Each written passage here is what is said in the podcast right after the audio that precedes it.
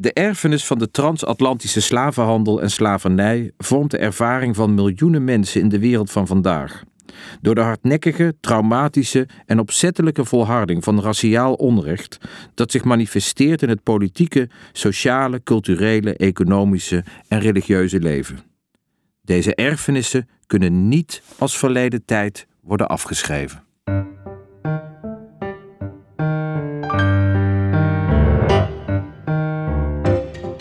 De Theologie-podcast gaat over wat vandaag speelt in kerk en theologie. De Theologie-podcast wil delen, inspireren en verdiepen. Bente de Lede is promovendus aan de Universiteit Leiden en onderzoeker en redacteur bij Nachtzon Media. Zij is gespecialiseerd in koloniale geschiedenis en haar promotieonderzoek gaat over de verhouding van Sri Lankanen tot de Neder-Duitse gereformeerde kerk en de protestantse religie in koloniaal Sri Lanka. Over dit onderwerp publiceerde zij tevens enkele artikelen. Martijn Stoutjesdijk is gepromoveerd op slavernij in het vroege christendom en het vroeg-rabbijns jodendom. Hij is nu als postdoc-onderzoeker werkzaam aan de Protestantse Theologische Universiteit bij het NWO-project Church and Slavery in the Dutch Empire: History, Theology and Heritage. Kerk, kolonialisme en slavernij: verhalen van een vervlochten geschiedenis. Dat is de bundel die recent is uitgekomen van Bent de Leden en Martijn Stoutjesdijk. En zij zitten hier bij ons bij Tabita en mij aan tafel. Van harte welkom. Dankjewel. Dankjewel. Goedemorgen. Het is een bundel met artikelen. Die hebben jullie samen met anderen geschreven of verzameld. Of hoe is dat Ja. precies gegaan? Uh, wij, hebben, uh, wij wilden een bundel maken naar aanleiding van het uh, herdenkingsjaar nu, uh, 2023, over het slavernijverleden. En um, we, ik ben zelf gespecialiseerd in koloniale geschiedenis en in de, eigenlijk de rol van de kerk daarin. Um, dus om, ja, om, ik dacht, ik heb wat versterking nodig. En Martijn die is gespecialiseerd in slavernij en de kerk. Um, en zo hebben we samen de, uh, de bundel geredigeerd. Dus we hebben er zelf voor geschreven. En anderen uit ons, uh, ja, die wij uh, interessante onderzoekers vonden rondom dit thema gevraagd. En ook eigenlijk daarin heel erg gekeken naar een hele brede range van zowel tijd, maar ook uh, geografie. Dus wat bijzonder is aan de bundel is dat we echt verhalen hebben uit de West, uit de Cariben, Suriname. En verhalen uit Azië, Indonesië, Sri Lanka. En ook verhalen uit Nederland. Um, casus uit Nederland. Uh, en dat is denk ik heel bijzonder aan deze bundel. Um, om echt even de stand van zaken naar historisch onderzoek over uh, kerkkolonialisme en slavernij. En er is ook een logische aanleiding om nu met deze bundel te komen. Want uh, we staan dit jaar stil bij 150 jaar afschaffing van de transatlantische slavernij. Dus jullie bundel geeft daar eigenlijk een verdiepingsslag bij. Ik denk daar is het voor bedoeld. Ja, op de verdiepingsslag. Het is eigenlijk een eerste begin, zou je kunnen zeggen. Het gekke is dat er nog nooit een boek verschenen was dat alleen aan dit onderwerp gewijd was. Dus her en der een half artikel. Is vaak ook wel wat gedateerd. En ik denk ook dat het goed is dat we kijken naar het kerkelijk slavernijverleden. Hoe komt dat dan? Ja, hoe komt dat? Uh, er zijn wel theorieën over. dus bijvoorbeeld in de, vanuit de theologie en kerkgeschiedenis zie je dat als het gaat om uh, uh, de, de, de kerken in de koloniën, dat het vaak alleen maar draait om, nou, welke dominee was er actief? En hoe snel groeide die kerk? En wat gebeurde? Dus heel organisatorisch, heel erg gericht op de, de witte christenen vanuit Nederland die bepaalde zaken op aan het zetten zijn. Maar waarbij nauwelijks gekeken wordt naar die relatie met die lokale inwoners, met slaafgemaakten en en wat dat betekent. Dus dat is enerzijds. En anderzijds, en dat is misschien... Ja, bent, ja, uh, ja, vanuit de koloniale geschiedenis werd er juist uh, heel vaak naar politiek en economie gekeken. En helemaal niet naar religie. Eigenlijk de laatste, laatste decennium is er, uh, gaat het meer over cultuur en daarmee ook over religie. Wordt eigenlijk de rol van religie in het kolonialisme serieus genomen. Um, en inderdaad wat wij zagen van, nou ja, als je die, die, die die geschiedschrijving, die um, disciplines waren heel erg van elkaar gescheiden. Dus het ging of over inderdaad zending, kerk, wat deed de kerk, hoe goed ging dat? Of over koloniaal systeem, wat gebeurde daar? En de laatste jaren wordt er dus, wordt er dus wel inderdaad een keer gekeken naar... hé, maar wat als je dat samenvoegt? Wat als je allebei die factoren serieus neemt? Dus vanuit de kerkgeschiedenis het koloniaal systeem begrijpt... en begrijpt dat de kerk daarin uh, verbonden, vervlochten is, zoals we zeggen in de bundel... En vanuit de koloniale geschiedenis als je de rol van religie uh, eigenlijk serieus neemt. Um, en dat is, dat is een, ja, een, een discipline die steeds meer in opkomst is. Of een, een stroming zeg maar, in de geschiedschrijving. Dus wij wilden daar eigenlijk inderdaad even een soort stand van zaken van geven.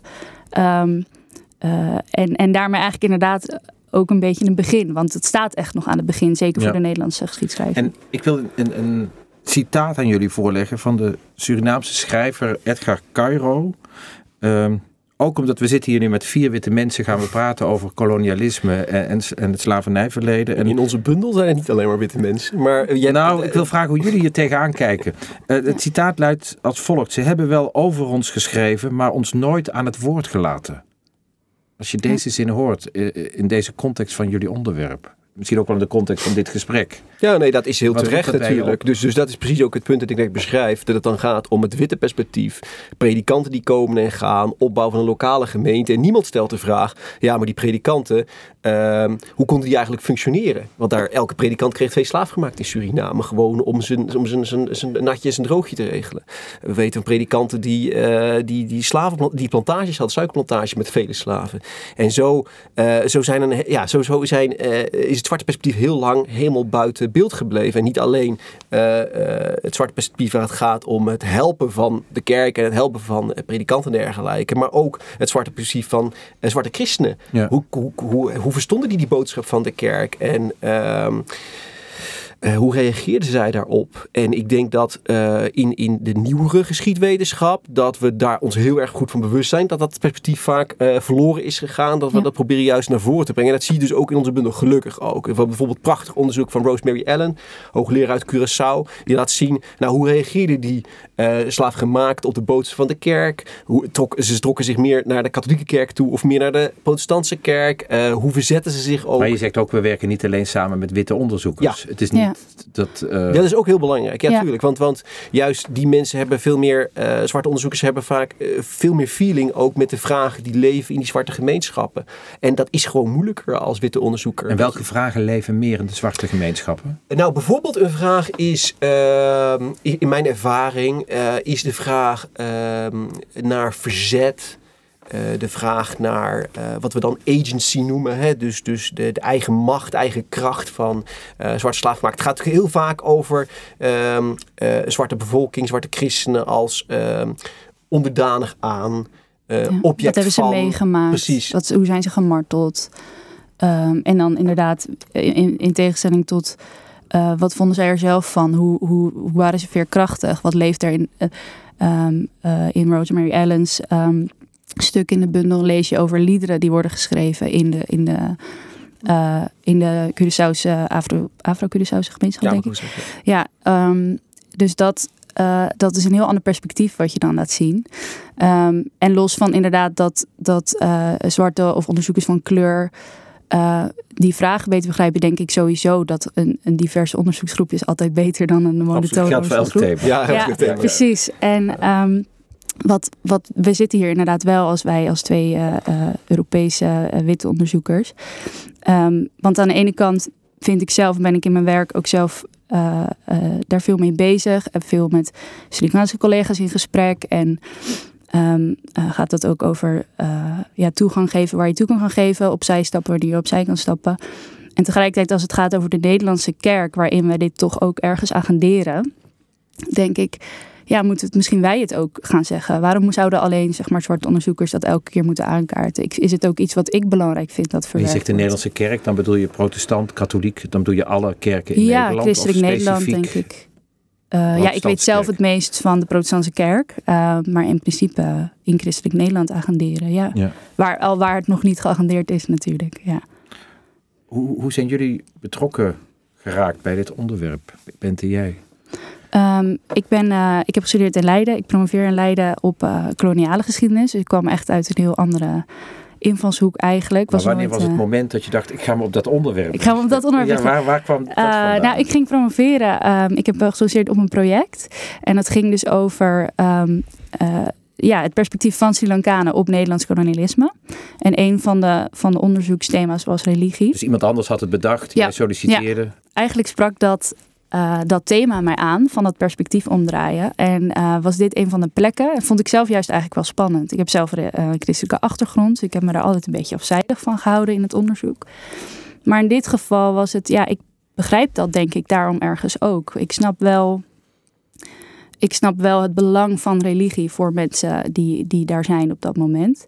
Ehm, dus dat gaf me ergens ook een ingang. En tegelijkertijd ook eh, ja, wilde, ik, uh, ja, wilde ik daar echt ook als historicus recht natuurlijk aan doen. Maar het was niet een soort activist in jou? Dat je nee, eerder dat ik dacht, dat ben ik eigenlijk misschien nu eerder geworden. Ik dacht, uh, nou ja, onrecht aan de kaart stellen wel als koloniaal historicus. Ja, zeker. En het perspectief omdraaien en de verhalen vertellen die niet verteld zijn nog. Maar je zegt, um, ik ben het nu wel geworden. Wat ben je dan nu wel geworden? Nou, dat ik denk uh, dat ik in de maatschappij niet zo snel denk. Ik spreek me uit als, als historicus of als witte historicus. Terwijl in de kerk, uh, waar ik zelf lid, als ik zelf, dat, omdat ik zelf lid ben van de Protestantse kerk, denk ik, nou, hier heb ik misschien wel recht om te spreken. Of misschien is het juist goed als ik hier spreek. Of, ja. uh, en vind ik zelf dat, dat geschiedschrijving op zichzelf gewoon belangrijk is om kennis, kennis te blijven vergaren. En, ja. ja. En jij Martijn? ik had een iets andere aanlooproute. Ja. Ik, ik, ben gepromoveerd, zoals je zelf al zei in de introductie, op, op slavernij, het vroege christendom, vroege bij Jodendom. En dan ben je dus veel bezig met tekst in de Bijbel over slavernij. En um, die teksten zijn nou ja, vaak ook wel problematisch. Er zitten problematische kanten aan. En geleidelijk aan begon ik me meer af te vragen. En toen speelde het thema slavernij nog wat minder in Nederland. Maar ik begon geleidelijk af te vragen: van, ja, wat, wat deden die teksten nou eigenlijk onder christenen in ons eigen Nederlands koloniaal verleden? Hoe uh, negeerden ze ze? Uh, namen ze heel serieus? Uh, waren ze er kritisch op? Dus ik ben daar ja, wat meer gaan, gaan uitstrekken, wat meer over gaan lezen. En toen viel me eigenlijk ook op hoe weinig we daar eigenlijk van weten. Uh, terwijl het volgens mij wel heel belangrijk is, zeker in een land als Nederland, hè, protestant tot in het bot, um, waar die, die Bijbel zo serieus wordt genomen, om te kijken van um, ja, welke rol heeft die Bijbel gespeeld. Ga kijken uh, bijvoorbeeld naar, uh, noem eens wat. Er zijn bijvoorbeeld gelijkenissen, dat is een beetje mijn, mijn oorspronkelijke onderzoeksthema. Er zijn gelijkenissen waarin gezegd wordt: um, een, een, een slaaf, die, een slaaf is dat dan in de vertaling van, uh, van de meeste Bijbels, een slaaf die zijn. die weet wat de wil is van de meester, maar het niet doet die, die wordt hard afgeranseld. En je ziet gewoon dat er slaafeigenaren zijn. We hebben er ook verslagen van. Um, die exact gewoon dat citaat gebruiken om hun eigen geweld richting uh, Afrikanen te legitimeren. Dus dan heb je een, een tekst uit een gelijkenis die hop uh, uit zijn verband gerukt wordt en op een vreselijke, giftige manier ingezet wordt. Nou, in dat proces van bewustwording van hoe wordt die Bijbel gebruikt, hoe gebruiken we hem vandaag nog, hebben we echt al afstand genomen van, van dat soort schuldige Bijbellezingen. Ik noem het even schuldig zegt we, maar bij jou, hoe werkt, werd je daar boos van? Of als je dat las, of wat was er, is er in jou iets van verontwaardiging boven komen drijven? Of ben je meer de wetenschapper die op afstand uh, dit beschrijft? Ik, ik, ik denk, een zekere afstand is altijd nodig. Zeker bij zo'n ja. zwaar thema als dit. Maar nu we hier aan tafel Maar ik, uh, bijvoorbeeld dit, dit specifieke voorbeeld dat ik gaf. Ja, daar, daar, daar gingen de, liepen de rillingen toch wel even van ja. over mijn rug. Juist ook omdat het een, een gelijkenis is. Hè? Het is dus een, een voorbeeldverhaal dat Jezus vertelt om een bepaald punt te maken. En dat dan zo'n consequentie krijgt. En dan denk ik, ja, wat, wat een ongelooflijke ja, gruwelijke absurdheid dat christelijke plantage-eigenaren dachten dat ze op die manier met de Bijbel konden gaan. Ja. ja. Dit jaar ligt in Nederland heel erg de focus uh, en de aandacht voor de afschaffing van de slavernij 150 jaar geleden, de transatlantische slavernij. Maar in de bundel hebben jullie gekozen voor een brede insteek. Jullie gaan zowel in, op het koloni kolonialisme uh, in de West als in de Oost. Dus zowel Suriname, uh, de, de, Antillen, als Indonesië, Indië. Ja. Hoe hangt dat precies samen in de bundel en uh, als thema? Ja, in uh, uh, de aantallen zijn eigenlijk niet eens zo heel erg verschillend. Um, Atlantische slavernij is, is wat bekender eigenlijk in de Nederlandse samenleving, ook door. Um, de gemeenschap die er nog steeds Ja, de gemeenschap die er nog steeds is. Um, waar ik naartoe wilde was in, de, in, de, in onze bundel hebben we uh, dat juist een keer wel naast elkaar gelegd. Omdat die uh, ja, die geschiedschrijving zijn eigenlijk altijd best wel apart, ook West en Oost. En zien we eigenlijk dus, dus heel erg gewoon lokale verschillen per casus. Maar ook in Oost en West, uh, gewoon de, de, rol van slavernij in de samenleving. Uh, maar wat we juist zien en wat we juist interessant vinden, is dat je ook heel veel overeenkomsten ziet. Dus dat we de, tussen kerk en slavernij gaan de thema's altijd over. Moet je, uh, moet je kinderen van slaafgemaakte mensen, mogen die gedoopt worden?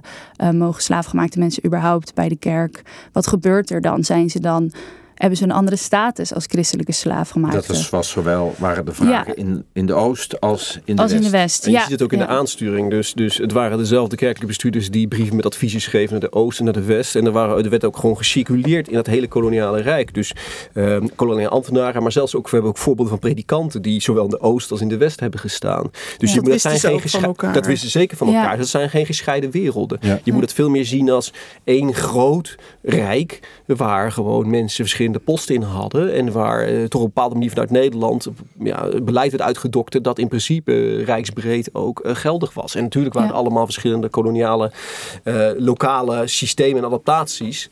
Eh, maar dat, dat staat niet al helemaal los van elkaar. Nee, Nee. neem bijvoorbeeld Johannes van der Bos. Dat is een mooi voorbeeld. Die ook wel bekend in Nederland. Ehm, die dus eh, in Nederlands-Indië actief was. Eh, in- Predikant. Nee, dat was Hij geen was predikant. gouverneur in Een Nederlands-Indië? Gouverneur in Nederlands-Indië. Ja. Eh, heeft in Nederland heeft hij die kolonie van weldadigheid opgericht. Maar hij is ook naar Suriname en Antillen gegaan. En eh, daar heeft hij bijvoorbeeld eh, bepaalde eh, wijzigingen in gang gezet voor wat betreft het slavernijsysteem. Door hem, door zijn wijzigingen, werden slaven in geloof 1830 voor het eerst als personen gezien. Dus dat is één persoon die in Nederland, in, in de Oost en in de West allemaal ehm, ja, eh, dingen in beweging heeft gezet. Eigenlijk een beetje nu zoals we politici soms van het ene ministerie naar het andere Ja. Exact. eh, eh, Ja. gaan. Ja. Ja. Ehm, zou je ons mee kunnen nemen in, in het hoofd van een, van een predikant in de 17e eeuw? Ja, Als, en dan, hoe dacht hij over slavernij? En, en wat voelde hij? En, en wat was de verkondiging? Wat waren zijn vragen? Ja, zoveel predikanten, zoveel meningen natuurlijk. Ja, Ja, maar- zoals het nu zo en dat was toen ook wel een beetje zo. Dus ik kan niet zeggen. eh, Nou, laat ik, laat Wat, ik een wat paar. was, de- ik- wat ja, was het algemeen aanvaarde verhaal? het, het is wel belangrijk om op te merken, want dit is, ik merk vaak dat daar een, een, een, een, eh, een foute opvatting over bestaat. Dat ehm, rond 1700. ehm eh, of alleen, nou, je had het over de 17e eeuw. Hè? Dus op het moment dat slavernij zijn entree maakt in Nederland. Nederland kende letterlijk geen slavernij. Dat is even belangrijk als achtergrond. Eind 16e eeuw. We hebben geen slavernij in Nederland. Dat is geen deel van ons juridisch We systeem. hadden geen horigen meer of zo. We hadden ook geen horigen meer, maar dat was natuurlijk een ander systeem. Dus je krijgt eh, dat de Nederlands in aanraking komen met slavernij in de Oost, met name de Oost op dat moment. En dan de discussie ontstaat, moeten we ons daarmee inlaten? En dan ontstaat er dus een theologisch, maar ook een maatschappelijk debat in Nederland, moeten we dat wel willen? En dan zie je dus zeker in die 17e eeuw verschillende meningen ontstaan. Ik vind zelf heel geïnspireerd door Johannes de Meij, een 17e eeuwse predikant, die in Sint Eustatius is geweest. Dus het slavernijsysteem aan, aan de lijve heeft eh, nou, ondervonden dan niet. Hij was zelf geen slaaf gemaakt uiteraard, maar wel het heeft gezien en, en, en meegemaakt. Die in Nederland terugkomt en daar een, een essay schrijft en die zegt, slavernij dat is een grauwelijke zonde. Hij is een van de meest fundamentele eh, criticasters van de slavernij in die periode. Maar je ziet ook dat er, en dat is voor velen nog steeds een bekende naam, iemand als Godefriedus Udemans is, die in die halverwege die 17e eeuw een boek schrijft. Ehm, eh, een, bekend boek ook, een soort van ja, ethische gids over hoe je goed en christelijk handel voert. Waarbij hij ook op slavernij ingaat en dat ook een soort van redelijke basis probeert te geven. Hij zegt dan, nou ja, slavernij hoort niet tot de oorspronkelijke eh, schepping. Hè, want, want in, de, in het paradijs daar was, er geen, was er geen slavernij. Maar slavernij heeft een entree gemaakt met de vloek van Gam, Genesis 9. En nu moeten we het wel fatsoenlijk vormgeven. En wat betekent dat? Dat je, Je zegt even, s- de vloek van Gam, kun je die Ja. heel even... ja, ja, dat is een heel belangrijk want- idee. En een heel giftig idee ook. Dus ehm, eh, de vloek van Gam is be- waarschijnlijk wel bekend. Het verhaal dat eh, Noach eh, na eh, het hele verhaal van de zondvloed, hij is aan, aan land gekomen. Dan is er een verhaal dat Noach dronken wordt en naakt in zijn tent ligt. Eh Gam ziet dat, bedekt hem niet. En dan wordt uiteindelijk Gam, of eigenlijk Canaan, zijn zoon, wordt vervloekt. Met als eh, vervloeking dat hij voortaan eh, de, zijn broeders als slaaf zal moeten dienen. Nou, dat wordt voor iemand als Udemans wordt dat een, een argument, een bewijstekst om te zeggen, nou, slavernij heeft toen zijn entree gemaakt in de wereld. En voor andere theologen in zijn tijd en ook iets later, die voegen er zelfs nog iets giftigs raciaals toe aan die tekst. Want die zeggen, ja, en Gam is de voorouders van de Afrikanen. Dus het, het is heel specifiek de Afrikanen die de andere volkeren moeten dienen. Waarbij Jafet, de, de oudste broer, de voorouder is van de Europeanen. Dus Afrikanen moeten de Europeanen dienen. Dus allemaal door God zelf eigenlijk Precies. bedacht. Nou ja, Noach eigenlijk die, het- die de vervloeking uitspeelt, ja. maar, Ja, maar maar, goed. uitspreekt, maar inderdaad. En, en dit wordt een heel belangrijk idee, waar ook wel kritiek op is onder theologen. Ik zeg daar in die bundel waar we het over hebben vandaag, eh, daar schrijf ik ook over de vloek van Gam. Dit is een heel belangrijk idee, eh, met name ook onder planters die het graag aangrijpen om hun gedrag mee te legitimeren. Ehm, eh, maar niet een, een idee dat helemaal niet ter discussie staat. En dat is ook even mijn punt in die 17e eeuw, maar ook in die 18e eeuw. Er blijft altijd debat bestaan. Eh, ik heb bijvoorbeeld een, een, een dialoog uit 1667, waarin, of 1676, waarin een boer, een zeeman, een, een, een, stedeling met elkaar spreken over, nou ja, wat moeten we nou eigenlijk met, eh, met slavernij? Moeten we dat wel willen? En dan zie je ook echt tegen in voorstanders. Ehm, dus we moeten het, het verhaal ook niet te makkelijk maken. Het was niet zo dat slavernij ehm, eh, onomstreden was, dat, dat het gewoon bij die tijd hoorde. Nee, slavernij kenden we in Nederland niet op dat moment. Er is een discussie over geweest en uiteindelijk zijn we als staat en samenleving eh, zijn we ermee in zee gegaan. maar En in de 17e, 18e eeuw sprak men daar ook over met elkaar. Ik bedoel, in de samenleving was natuurlijk geen, waren geen media. Eh, Ja, er werd in- juist in de Republiek heel veel geschreven in die tijd. Dus het was een heel eh, levendig, voor, ja, voor die tijd heel levendig publiek debat maar eigenlijk. waren er ook mensen die er niks van wisten? Ik bedoel, die geen toegang hadden tot het feit dat... Nou ja, dat, dat, dat is, dat is dan niet alleen voor de kerk, maar dat geldt voor zeg maar, heel Nederland. Dus dat, eh, is, is, ik denk dat er steeds meer historici zeggen, die, zijn die zeggen, ja, dat, dat gaat eigenlijk niet op die vlieger.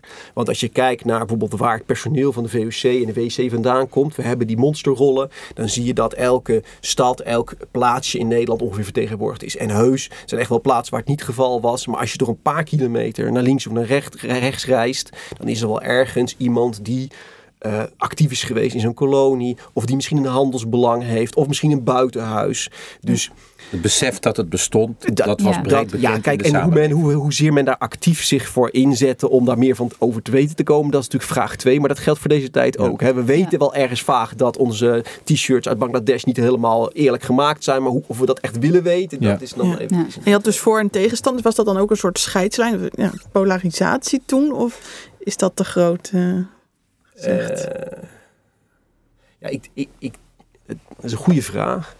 Ik denk dat het daar uiteindelijk te weinig een echt breed debat voor was. Dus het was natuurlijk toch wel iets van, Had geen consequenties ook. ja, In die zin, voor, Hmm. voor de slavernij, denk ik. bleef toch nog ver weg. het bleef toch ver weg. Ja, ja. Ja. klopt. En ehm, En in, Ja, nou, in die zin is het ook, er werd, eh, eh, er werd niet getwijfeld aan een koloniaal systeem. Dus dat, het was meer inderdaad, hoe behandel je slaafgemaakte mensen en moeten ze slaaf zijn? Dat is denk ik, dat is nog wel een debat. Maar het, eh, het systeem waarin het bestond en dat daar gewerkt moest worden, dat, dat, dat, was wel, dat bestond daar en dat was daar.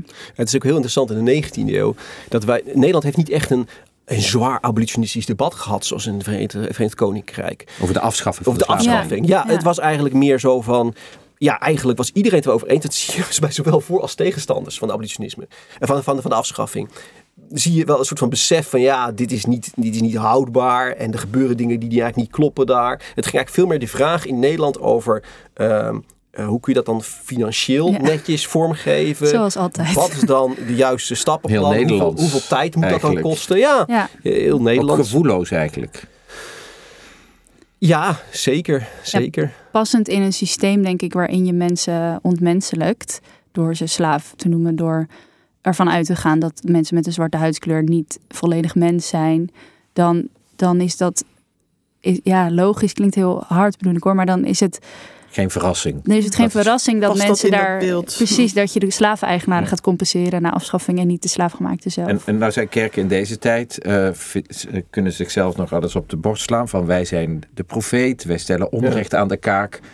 Ehm, hadden predikanten zelf ook slaven? Eh, ja. Absoluut. Nee, geen, ik denk En- dat er en- geen enkele predikant is geweest in Suriname die. Ik, ik, ik weet dan vooral de situatie in Suriname die geen slaafgemaakte zelf had. Geen en, en, enkele. En, en in het instituut ja. ging daarin mee. Het was niet zo dat daar de kerk zei wij zijn het geweten van de samenleving. Nee, nee, wat je wel eh, in Azië, of nee, in Azië eigenlijk ook, dat de kerk had eh, plantages. ehm, en eh, de- als de dominee op bezoek ging langs de verschillende dorpjes, dan kreeg hij drie of twee slaven mee om, te, om diegene te tillen. Bijvoorbeeld in een draagstoel. En dan was het gewoon van ja, dat, dat doen we zo hier. Ehm, En daar was En- geen gewetensbezwaar over. Er zijn geen dagboeken dat dan zo'n predikant s'avonds thuis kwam en Nee. ja, ik Ja, voel me daar toch ongemakkelijk ja. bij. Kals bijvoorbeeld. Ja. Jan-Willem Kals is een be- redelijk bekend bij het Nederlands publiek, of het Nederlands theologisch publiek, zou ik maar even zeggen, omdat het een vrij kritische stem is over de slavernij. Hij heeft ook een boek geschreven, Nederlands hoofd- en wortelzonde. Nou, dat klinkt dan toch wel heel stevig, hè, zou je denken. Maar hij keurt slavernij ook niet, en hij is in Suriname geweest een tijdje. Maar hij keurt slavernij ook niet systematisch af. En, en onderzoek laat zien dat hij een van zijn slaafgemaakten mee heeft genomen, notabene naar Nederland. En omdat hij hem niet kon onderhouden, is hij uiteindelijk eh, door een hertog in, in een bos eh, gedoopt. En, en daar in dienst bij gekomen. Dus ook iemand als Kals, en dat is dan een van de nou ja, weinige, heftige kritische stemmen, zullen we maar even zeggen, onttrekt zich niet geheel aan dat systeem. Hij zegt het moet allemaal anders, het moet allemaal beter. Maar slavernij aan zich, Ja, en in, in, in Azië zie je bijvoorbeeld eh, het slaafgemaakte en lokale bevolking, dat het eh, gaat over. eh, de, dan wordt bijvoorbeeld gezegd, nou, Sri Lankanen zijn of Singalezen, het woord voor bevolking daar, die zijn, de- de- die zijn, die zijn eigenlijk van nature lui en dom. Ehm, dus wij willen ze boetes kunnen geven als ze niet naar de kerk komen. En dan de VOC die vindt dat op een gegeven moment een beetje onhandig, want dat levert allemaal onrust op, want mensen komen daar tegen in verzet. En dan is dat de reactie van de kerk. Van, maar ze snappen nog niet dat het belangrijk is om naar de kerk te komen. En nog niet, zat er dan ook nog een soort beschavingsoffensief ideaal achter? Of Ja, ja, voor de 18e verzendingsideaal? eeuw is dat eigenlijk best wel vroeg. Om echt over dat, eh, dat idee van verlichting en beschavingsideaal. Zeg maar in de, in de, ja, in de vroege 18e eeuw, eh, dus zeg maar 1730 of zo, is dat nog minder expliciet. Maar ehm, eh, ja, wat ik zelf interessant vond, een tekst van Paulus over eh, jullie zijn nog kinderen, jullie drinken nog melk en dus over nog niet volwassen christen zijn. Nou, dat wordt eigenlijk op die manier geprojecteerd. Dus je had een soort rangen.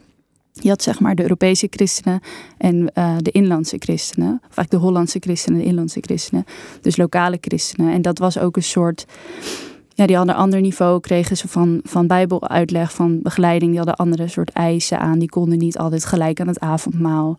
Ehm, en er werd ook echt gezegd van nou, ze kunnen dat nog niet leren. En sommigen die ontstegen daaraan en die leerden bijvoorbeeld heel goed Nederlands. Die gingen in Nederland studeren, werden dominee. Dus er waren een aantal dominees van kleur in Sri En dan Lanka. werd je in positie gesteld. Ja, en dat waren eigenlijk mensen die dus heel goed in die twee werelden allebei konden bewegen. En ook die waren, ja, die sloten eigenlijk wel aan in dat idee over van oh, hoe er over bevolking Ja. en slaafgemaakt werd Hoe, hoe ging dat dan? Zaten ze- wel met elkaar in, in dezelfde kerk en kregen ze daar hetzelfde verhaal te horen? Of Ze zaten wel met elkaar in de kerk, maar vooral vaak op een andere plek. Dus we weten Ja. van koloniale kerken in, in, de, in de Cariben en in Suriname. Dat De witte zaten voor. de witte zaten voor en de zwarte achter. Of aan de Eh, voeten. aan de eh, voeten, weten we. Hebben eh, mijn collega Dienke Hondius heeft eh, recent een prachtige plaat ontdekt uit Nederlands-Indië. Waarbij je ziet een, een, een interieur van een kerk waarbij van blanke vrouwen op banken zitten en slaafgemaakt aan de voeten. Ehm, en we weten bijvoorbeeld ook dat eh slaafgemaakten bijvoorbeeld op andere dagen werden gedoopt. Of mensen van kleur, dat op andere dagen gedoopt, vrije mensen van kleur. Eh, of op een andere plek in de kerk, achter het preekgestoel in plaats van ervoor. Het zijn allemaal van dit soort verhalen die laten Ja. zien. Nou ja, oké, dan was je misschien christen. Hè, tegen alle weerstand ook in, in sommige eh, historische periodes. Ja. Maar dan was je er eigenlijk nog steeds niet. nee. Dan was je nog altijd wel een tweede gangs christen. En Ja. wat was dan ook het theologische, wat werd, ja, het verhaal? Wat werd er dan gezegd vanaf die kant? Of wat, nou, bij het christendom denk ik, denk ik ook aan een boodschap van naaste liefde. En ja, speelde dat dan toen ook een rol? Of nou, dat geldt niet voor hun? Of, Nou ja, ik, ja voor in Azië gaat het over ehm, eh, je meest eh, in de in de catechismus is ook een vraag over wie moet ik dienen of wie zijn mijn meesters. En dat zijn dan volgens mij je ouders, de dominee en de schoolmeester. Allemaal dat soort deugden van bescheidenheid. Ja, en heel erg. En, mond en nou ja, voor slaafgemaakt in, in, in eh Caribe en Suriname is dat nog meer, nog denk ik, nog meer Ja, ik denk dat je verschillende fases moet onderscheiden. Dus er was Ja. gewoon een periode waarin slaafgemaakten gewoon niet als mensen werden gezien. Maar ze waren aanvankelijk ook, werden ze niet gedoopt, toch? Aanvankelijk Absoluut. mochten ze hun eigen religie nog. Klopt, klopt. Nou ja, ze mochten ook eigenlijk dat niet. Ze mochten Ja, vooral geen christen worden. Ze mochten wel geen christen worden. Ja. Ja. Dus het, dat het ook luikend toegestaan.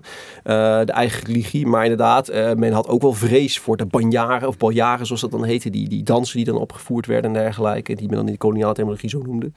Eh, maar in ieder geval, dus, dus wat ik net aan het zeggen was. eh, men werd eerst in instantie niet als, als vaak niet als mens gezien. We hebben ook gewoon citaten dat ze beesten worden genoemd. En er was ook helemaal geen, geen, geen drang of initiatief om ze te bekeren. Later zie je dat, hadden het net al over, over, zeker richting het abolitionisme, dan gaat dat verschuiven. En dan krijg je dus dat paradigma, dat idee van uh, de zwarte mens als, als een kind, als iemand die nog eerder in een vroeger in een, of, of een ander ras, een zeg maar minder goed ras, dat onder de raciale precies dat nog verder moet uh, opklimmen. En de Suriname krijgt ook de, de, de zending onder de tot slaafgemaakte, wordt ook toegewezen aan het specifiek kerkgenootschap. Klopt inderdaad. Hoe, ja, hoe dus is dat precies gegaan? Ja, dus uh, in de 18e eeuw vraagt de Evangelische Broedergemeente een uh, ja, toch wel specifiek Duitse kerkgenootschap dat vooral op zending gericht was. Die vraagt toestemming om naar Suriname te gaan.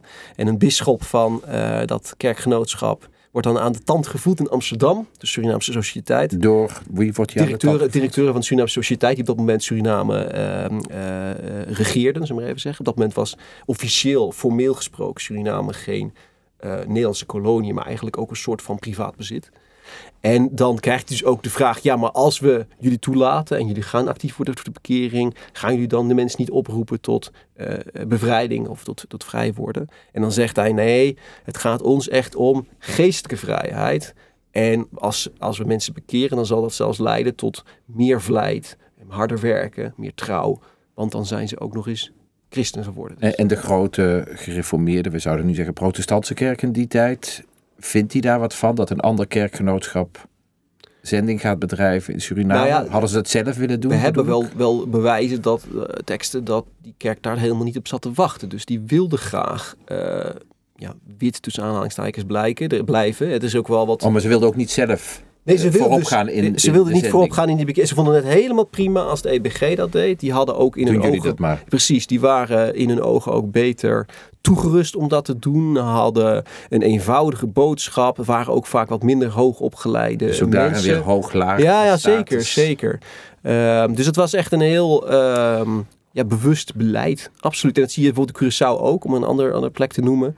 Dat uh, daar bijna alle uh, uh, zwarte christenen deel zijn van de katholieke kerk. Omdat ook daar de, de witte kerk, de, de protestantse kerk, uh, uh, ja, eigenlijk een actief beleid voerde om die kerk vooral wit te houden van de Nederlanders. Maar als je het zo vertelt, dan denk ik, het is niet een, een soms zeg je de uitdrukking een zwarte pagina. Het is gewoon een, een hele boekenkast die gewoon niet deugt. Het, want Ja. de kerken verdienden ook nog eens aan de slavernij, toch? De, er is ook geld gewoon verdiend. Ja, of ja, in ieder geval individuen. Je kunt niet altijd direct zo, eh, maar Maar gewoon... daar is nog wel de vraag over open hoor. Ja. Ja. Dus dat financieel onderzoek moet nog wel veel meer gedaan worden. Dat is wel een heel daarover vraag. bekend. Nee, heel, heel weinig. Dus inderdaad, Ja. individueel weten we wel van predikanten die aandelen hadden. We weten dat predikanten soms eh, plantages bezaten. Eh, het is één geval, uniek geval van de Lutherse kerk... die een tijdje lang zelfs een eigen suikerplantage eh, in bezit heeft gehad voor de kerkkas. Eh, maar dat is allemaal incidenteel. Dus ik, ik zou nog niet durven zeggen dat de kerk verdiend heeft. Maar goed, het, het, het, het, het, het was natuurlijk wel de gedachte dat het mee zou profiteren... in de zin van dat het een verbreding zou zijn van...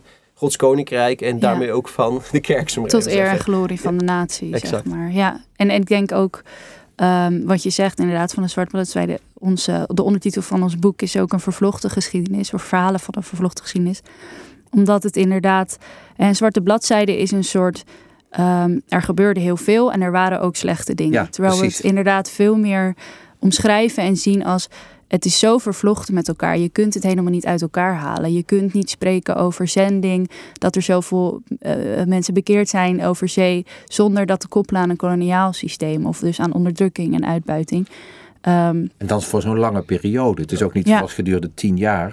Of, het is gewoon eeuwen heeft dit systeem kunnen wortelen. ja, ja, precies. En ehm, eh, in de, in de, zeker in de Aziatische kerken zijn er, ook, zijn daar nog steeds Nederlands gereformeerde kerken. En in, in Suriname eh, natuurlijk ook, in Curaçao. Ehm, en het, ja, dus een hele, best, nou niet een grote, maar een uitgebreide Indonesische gereformeerde kerk bijvoorbeeld. Dan maakt het dus ook lastig om te zeggen, eh, die mensen die, die beleiden hun geloof oprecht. En die, die, die zijn daar eh, in- Sri Lanka ook. Dus de gereformeerde kerk bestaat. Dus het, is ook gek om te zeggen, hè, dat is alleen maar slecht. Dus dat is, het, dat is het ook niet. Maar het is wel echt zo vervlochten met elkaar. Je kunt het niet, eh, eh, niet uit elkaar halen. Ja. Als je kijkt naar die periode van de afschaffing van de slavernij, daar staan we dit jaar bij stil. Eh, je schetste net, Martijn, dat dat geleidelijk aan ontstond, dat Mhm. idee. Dat er naartoe i- in, de, in, in Nederland, Ja. naar dat besluit. Kwam er ook eh, protest vanuit de kerk? Hebben die daaraan bijgedragen? Eh, ja, het was zo dat... eh, of verzet vanuit de kerken? Moet je nou, verzet niet zozeer. Dus het abolitionistisch debat in het begin van de 19e eeuw, eerste helft 19e eeuw, daar had je twee groepen in. Liberalen en een groep christenen. Ehm, en die waren met name actief binnen de Reveil, een, eh, protestantse opwekkingsbeweging zou je kunnen zeggen. Ehm, dus daar werd vanuit, vanuit de kerk inderdaad op die manier wel bijgedragen. Dus niet de kerk instituut, maar wel mensen vanuit de kerk. Eh predikanten als Nicolaas Beets bijvoorbeeld. eh was echt een heel stellige abolitionist. eh, met heel mooie teksten vaak ook daarover. Ehm, en, maar als instituut gaat het maar heel langzaam hoor. Dus in, ik weet dat in 1859, 1860, dan komt er dus een adres vanuit de synode, dus zeg maar een soort van petitie vanuit de synode van de Nederlandse Enkele jaren voor de afschaffing. Precies. En die wordt dan naar de koning gestuurd van nou, het is, het is de slavernij is misschien eh, wel niet, eh, is, is misschien zowel tegen de letter van de wet, eh, let- letter van de, de letter van de Bijbel, maar zeker tegen de geest van de Bijbel. Maar dan heb je het inderdaad over drie, vier jaar voor de uiteindelijke afschaffing, waar echt al een jaar of 30, 40 al vrij concreet over wordt nagedacht op dat moment in Nederland. Dus je kunt niet zeggen dat kerken voorop hebben gelopen in dat debat. ik, ik zou dat niet, die uitspraak zou ik niet voor mijn rekening Ja. durven nemen. Nee. en, en ik denk ook dat het van belang is, bijvoorbeeld die, die groep christenen die zich verenigd had tegen de afschaffing van de slavernij, die heft zich ook direct op in 1863, als die afschaffing heeft plaatsgevonden. Dat vind ik ook altijd wel een interessant Mm. feitje. Zo van het probleem is voorbij eh, en we kunnen weer verder met de dag. Eh, en, en ik denk dat dat.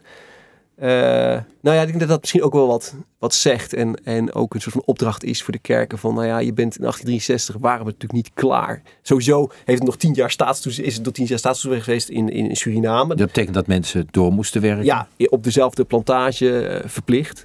Daarna is er nog contractarbeid geweest. eh, wat in feite ook eh, absoluut samenhangt met die periode van slavernij en de behoefte aan ja, vaak ook semi-gedwongen arbeid in de koloniën. Ehm, nou ja, en je kunt natuurlijk zelfs een lijn doortrekken naar de wereld van vandaag. Ja. Ja. We zitten hier in de theologie-podcast. Wat gaat er nu mis in de theologie als je zo'n afschuwelijk systeem eeuwenlang in stand houdt? Wat gaat er mis en wat zouden we voor, voor deze tijd uit kunnen leren? Wat gaat er mis in de theologie? Want hier heeft de theologie toch gewoon gefaald. Ja. Eh, nou ja, ik ben, ik ben geen theoloog, maar wat ik zie. Nou ja, wat- eh, wat- ja, wat zie, wat ik, je hebt erover ik- nagedacht, denk ik misschien. Ja, wat ik zie gebeuren is eigenlijk ehm, is heel, heel menselijk. En ik denk daarom juist ook zijn we ons daar vandaag de dag bewust van. Eh, van een, eigenlijk een, een pragmatisme en ook een soort normaliteit in de cultuur. En ook zeker toch voor Nederlanders vaak eh, winst maken. De VOC wil, wil winst maken. Ehm, en daar is dan wel een soort ideaal van verspreiding van het evangelie. Maar het moet wel, eh, het, moet wel eh, het winstoogmerk dienen. En ik denk dat best een aantal predikanten of tenminste wat ik zie ook in, in Sri Lanka, is dat predikanten echt niet altijd eens zijn met de VOC, als dat elkaars belangen bijt. Ze zijn echt ook echt bezig met het geloof verspreiden. Maar daar, ja, daar is niet een soort twijfel, ja, een soort twijfel aan. Eh, waarom zijn wij hier? Is het goed dat wij hier zijn? Het, is- het, is zo, het is zo normaal en zo vanzelfsprekend van wij hebben het ware geloof. En wij hebben ook eh, recht om hier te zijn. En dat gaat eigenlijk dat, dat ja, juridisch gezien was dat toen ook zo. Ja. En dat, dat is eigenlijk het meegaan in het systeem. Ik denk dat het dat theologisch Dat- misgaat. Dat gaat er mis, zeg jij. Maar ook Ja. in de theologie. Maar Martijn, als je denkt aan het godsbeeld bijvoorbeeld. Wat gaat er mis in dat godsbeeld van, van mensen als ze slavernij toelaten? In hun denken.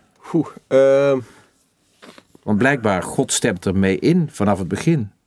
Met, die, met het verhaal van de vloek van Gam. Men, men, men trekt het ook op een... Men trekt het de theologie in en de Bijbel in. Zeker. Ehm, ja, godsbeeld vind ik een moeilijke vraag. Maar het is in ieder geval heel helder dat... eh, Ik, ik doe dan veel onderzoek ook naar eh, welke bijbelteksten worden er gebruikt. Hoe worden die gebruikt. Het is heel helder dat er echt ehm, heel selectief gelezen wordt. Ja. Ehm, dus Dus wat er misgaat is ook dat men de Bijbel... Nou ja, dat doen we altijd. Hè? Dus dat, ik denk zelfs dat het voor een deel ook onze opdracht is om de, de, de boodschap van de Bijbel elk, elk, elk tijdperk weer relevant te maken. En dat vergt ook dat we eh, bepaalde hermeneutische uitdagingen aangaan. Eh, maar wat er in die tijd eh, volgens mij eh, misging is. ehm, eh, is, is, nou ja, is, dat, is dat selectief inderdaad. Dus, dus bijvoorbeeld Galaten 3 vers 28. In Christus is geen slaaf of een vrije. Dat is een tekst die je nooit aantreft in die slavernijdebat van die tijd. Ehm, de Exodus. Toch het meest fundamentele verhaal misschien wel in, in de wereldgeschiedenis over bevrijding uit slavernij. Het is een tekst die gewoon genegeerd wordt. Het is raar om te zeggen, maar wordt gewoon genegeerd. Dus wat er misgaat, wat we nu nog kunnen leren, is zet niet bepaalde teksten de punt en andere niet. Ja, ik zou zeggen, eh, probeer, eh, neem, wij, ons boek heet iets van uh, vervlochten verhalen, maar het gaat er ook om dat je dus allerlei stemmen hebt. En de Bijbel is een veelstemmig boek. Ja. En dat moet je zien, dat moet je wegen, daar moet je ook heel bewust mee omgaan. Dus sla de Bijbel niet plat tot een kookboek en zo is het en dit. Precies, en zeker dan niet met alleen de recept op pagina 3, 8 en, en 49, zullen we maar even zeggen. Ehm, dat lijkt me allemaal van, van, van heel groot belang. Ik denk ook wat er. Uh, dat, dat idee dat je boven een andere mens staat, dat is denk ik in de, in de menselijke geschiedenis een, een hoogmoed, zeg maar. Um, nou ja, ook in de theologie. precies, in de theologie dat, blijft dit is de dat. van uitverkorenen en dit zijn niet de uitverkorenen. Dus... Ja, precies. En dat vertaalt zich natuurlijk in de, in de maatschappij en weer terug. En daar komt dan dus een raciaal systeem in terug, wat dan weer theologisch onderbouwd wordt. Ja. Um, Aziatische mensen waren dan wel, werden wel als mensen gezien, vielen niet onder de vloek van Gam, maar stonden wel onderaan de ontwikkelingspyramide. En dat, uh, dat zeg maar dan uh, uh, theologisch kunnen soort verantwoorden dat je boven een andere mens staat.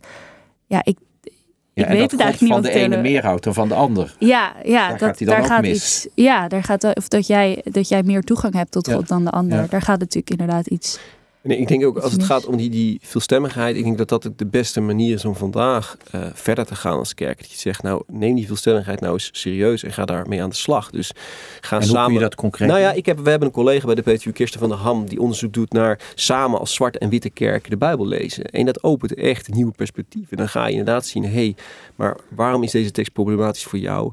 Um, dat hebben we ons nog nooit gerealiseerd, bijvoorbeeld als Witte Kerk. En, en hoe gaan we daar in de toekomst daarmee om? Dat, en, en Ehm, ik, ik denk dat, dat dat soort dingen zijn volgens mij heel zinvol. Zou je die attitude ook kunnen laten uitwaaien over andere thema's? Ik denk Zeker. het thema van vrouwen. Of nou, bijvoorbeeld Bisschop Tjuni van de kerk, de, de, de katholieke kerk in Suriname, heeft een prachtige brief geschreven in de kerst van 2022. Waarin hij bijvoorbeeld ook de lijn rechtstreeks doortrekt naar klimaatverandering. En zegt, ja, uh, het systeem van slavernij was er één ook van, uh, van grove ongelijkheid. En uh, die ongelijkheid werkt nog steeds door in onze samenleving. En hij had het dan ook over de samenleving verschil tussen Nederland en Suriname. En wij voelen als, als armere landen direct en veel zwaarder de impact van klimaatverandering dan jullie. En jullie nemen daar niet genoeg rekenschap van met jullie productiesystemen en jullie consumptiepatronen. Nou, en, en ik denk dus die dat... vervlechting van verhalen, die meerstemmigheid, Precies. dat zijn lessen die we kunnen leren. Toch? Nou, wat mij betreft wel in ieder geval. Ja. Nee, en voor mij, uh, om het terug te brengen naar Jezus, waar we toch van houden in de in de christelijke wereld. Um, het, het, heeft mij in ieder geval, al toen ik jong was, op een gegeven moment was er een soort moment dat ik realiseerde: Jezus was natuurlijk niet een witte man met blauwe ogen en blond haar.